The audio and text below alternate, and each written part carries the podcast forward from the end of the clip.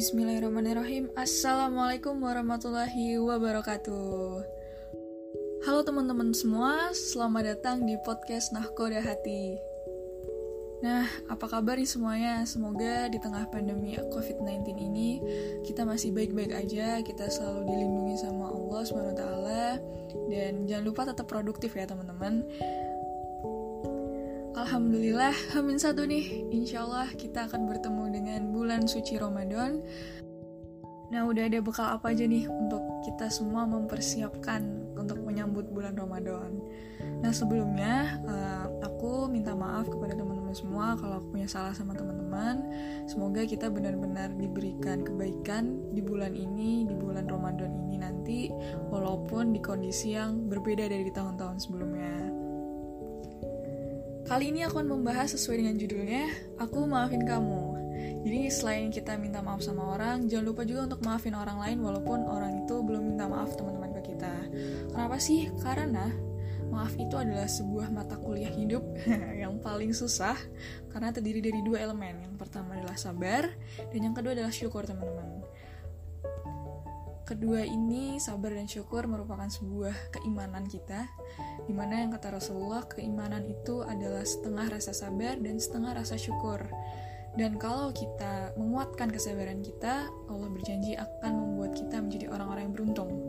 Dan kalau kita banyak-banyak bersyukur, Allah akan menambah nikmat-nikmat Allah untuk kita, teman-teman. Dan kalau kita udah sabar, kita syukur, maaf kita ini benar-benar ikhlas gitu, teman-teman. Jadi seakan-akan ya udah kita nggak ada masalah nih, kita baik-baik saja gitu. Dan semakin timbul rasa cinta kita terhadap sesama manusia itu karena Allah. Amin. Nah, walaupun ya kata sabar, kata syukur, kata maaf itu adalah sesuatu yang sangat mudah diucap, tapi ini sulit teman-teman untuk diimplementasikan di kehidupan nyata. Tapi kita harus terus berusaha untuk bisa memaafkan orang lain nih. Kenapa? Karena sebel, dengki, iri, dendam, benci sama orang itu akan menimbulkan penyakit hati teman-teman.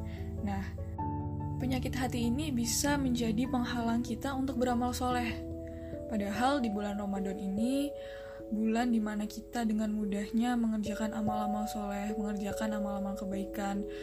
Dengan mudahnya kita berfastabil khairat teman-teman. Karena di bulan Ramadan ini setan-setan dibelenggu, pintu neraka ditutup rapat-rapat, pintu surga dibuka selebar-lebarnya. Jadi kita bisa dengan mudahnya untuk beramal soleh. Nah, kalau pada Ramadan aja tuh kita susah ya untuk beramal soleh, untuk berbuat kebaikan karena dosa-dosa kita tadi, karena kita belum memaafkan orang lain. Lalu gimana sama 11 bulan lainnya yang kans untuk bermaksiatnya, kita gampang futurnya, berbuat buruknya, berbuat dosanya tuh terbuka lebar. Jadi sayang kalau misalnya Ramadan ini kita sia-siain gitu. Cuman gara-gara dosa-dosa kita tadi karena nggak maafin orang lain. Dan maafkan ini tuh adalah satu dari sekian banyak bentuk ikhtiar kita untuk menyambut bulan Ramadan, untuk menjadi bekal kita menyambut bulan Ramadan ini gitu teman-teman. Karena keutamaan memaafkan ini luar biasa nih teman-teman. Apa aja? Yang pertama adalah kita mendapatkan ketenangan hati. Kalau kita nggak dendam, kalau kita bisa memaafkan orang lain, hati kita tuh tenang. Jadi kita mau melakukan hal-hal yang baik itu nyaman gitu ya, nggak ada yang ngeganjel. Kemudian yang kedua adalah mengambil hikmah dari setiap kejadian. Ada sebuah cerita tentang Pak Ari Ginanjar, kalau teman-teman semua tahu. Uh, beliau pernah cerita, jadi pada saat beliau menjadi pembicara, lalu beliau menyampaikan satu ayat.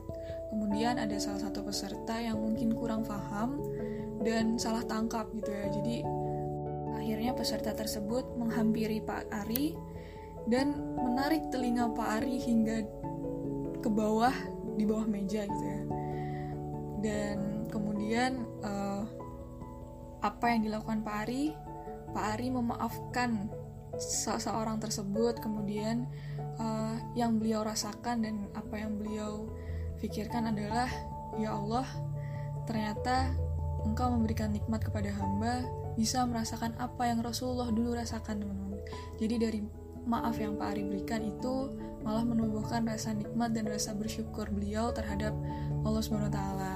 Masya Allah sekali ya teman-teman. Jadi kalau kita bisa memaafkan orang gitu ya, jadi dan apa yang sudah terjadi di sebelumnya itu bisa membuat kita mengambil hikmah teman-teman dan membuat kita menjadi pribadi yang lebih baik lagi, yang mendekat diri kepada Allah lagi gitu. Nah, kemudian yang ketiga, yang membuat memaafkan ini bisa menjadi luar biasa adalah membuat kita bermuasabah diri. Ini menjadi pengingat untuk kita ya. Ini juga pengingat untuk aku uh, sehingga kita bisa mendekatkan diri sama Allah. Jadi koneksi kita itu semakin dekat sama Allah. Dan dengan itu kita bisa semangat nih beribadahnya ya. Jadi Ramadan ini kita bisa memaksimalkan ibadah kita karena kita punya semangat itu. Nah, kemudian uh, yang keempat adalah pikiran kita sehat, hati kita sehat, tubuh kita pun sehat, teman-teman ibadah itu kan aktivitas hati ya, tapi juga didukung oleh aktivitas fisik. Kalau keduanya itu sama-sama sehat, insya Allah uh, kita bisa semangat nih, kita bisa optimalin ibadah kita selama bulan Ramadan ini. Sehingga peluang kita untuk mendapatkan pahala-pahala ini terbuka sangat lebar untuk kita. Nah, kemudian teman-teman, yang kelima adalah kita dicintai sama Allah. Ini adalah poin utama kita nih, karena ini sebagai bentuk penghambaan kita kepada Rob semesta alam. Karena sebetulnya tugas kita di bumi ini kan dua ya teman-teman. Menjadi hamba Allah, yaitu dengan beribadah di surat Az-Zariyat ayat 56, dan menjadi khalifah fil art. Nah, ini adalah bentuk penghambaan kita. Di sinilah uh, kualitas keimanan kita, kualitas penghambaan kita tuh diuji teman-teman. Seberapa sabar kita, seberapa banyak bersyukurnya kita, dan seberapa bisa kita untuk memaafkan orang. Selapang dada apakah kita gitu. Jadi kita harus fokus teman-teman bahwa kita di dunia ini tuh hanya ingin mencari doa Allah atau mardotillah. Walaupun memang ya memaafkan itu nggak mudah teman-teman. Pasti kalau udah sakit hati tuh rasanya emang sakit gitu ya. Kita, udah ngeselin banget, udah salah banget gitu. Tapi uh, percaya teman-teman apa pun yang kita lakukan itu kalau misalnya karena Allah insya Allah uh, akan mendatangkan kebaikan untuk kita. Seperti yang tadi aku sebutin keutamaan-keutamaan kenapa memaafkan itu luar biasa. Nah maka dengan memaafkan itu semoga insya Allah bisa mendatangkan kebaikan nih untuk kita. Jadi jangan lupa untuk selalu berdoa karena hati kita itu hati-hati kita semua ya itu kan Allah yang punya jadi kita berdoa kepada yang punya hati supaya hati-hati kita ini selalu memiliki koneksi yang baik sama Allah dan sama uh, saudara-saudara kita. Nah, selain memaafkan, jangan lupa juga teman-teman untuk selalu mendoakan mereka yang baik-baik gitu ya, karena kalau kita ngedoain orang lain itu, insya Allah para malaikat akan mengaminkan dan bisa menjadi kebaikan juga untuk diri kita sendiri kayak gitu. Rasulullah mengatakan bahwa nanti saat hari kiamat di padang masyar akan ada seseorang yang bukan ahli ibadah teman-teman. Yang sering ninggalin sholat yang berbuat maksiat di bumi di dunia kan? Terus abis itu pokoknya banyak banget dosanya. Kemudian saat Allah menyidang dia dan memerintah malaikat untuk memeriksa amal solehnya malaikat berkata bahwa dia tidak memiliki amal soleh sama sekali gitu ya. Tapi Allah e, memerintahkan lagi untuk ngecek lagi teman-teman dan ternyata malaikat menemukan satu amal soleh yang pernah dia lakukan di dunia. Apa itu?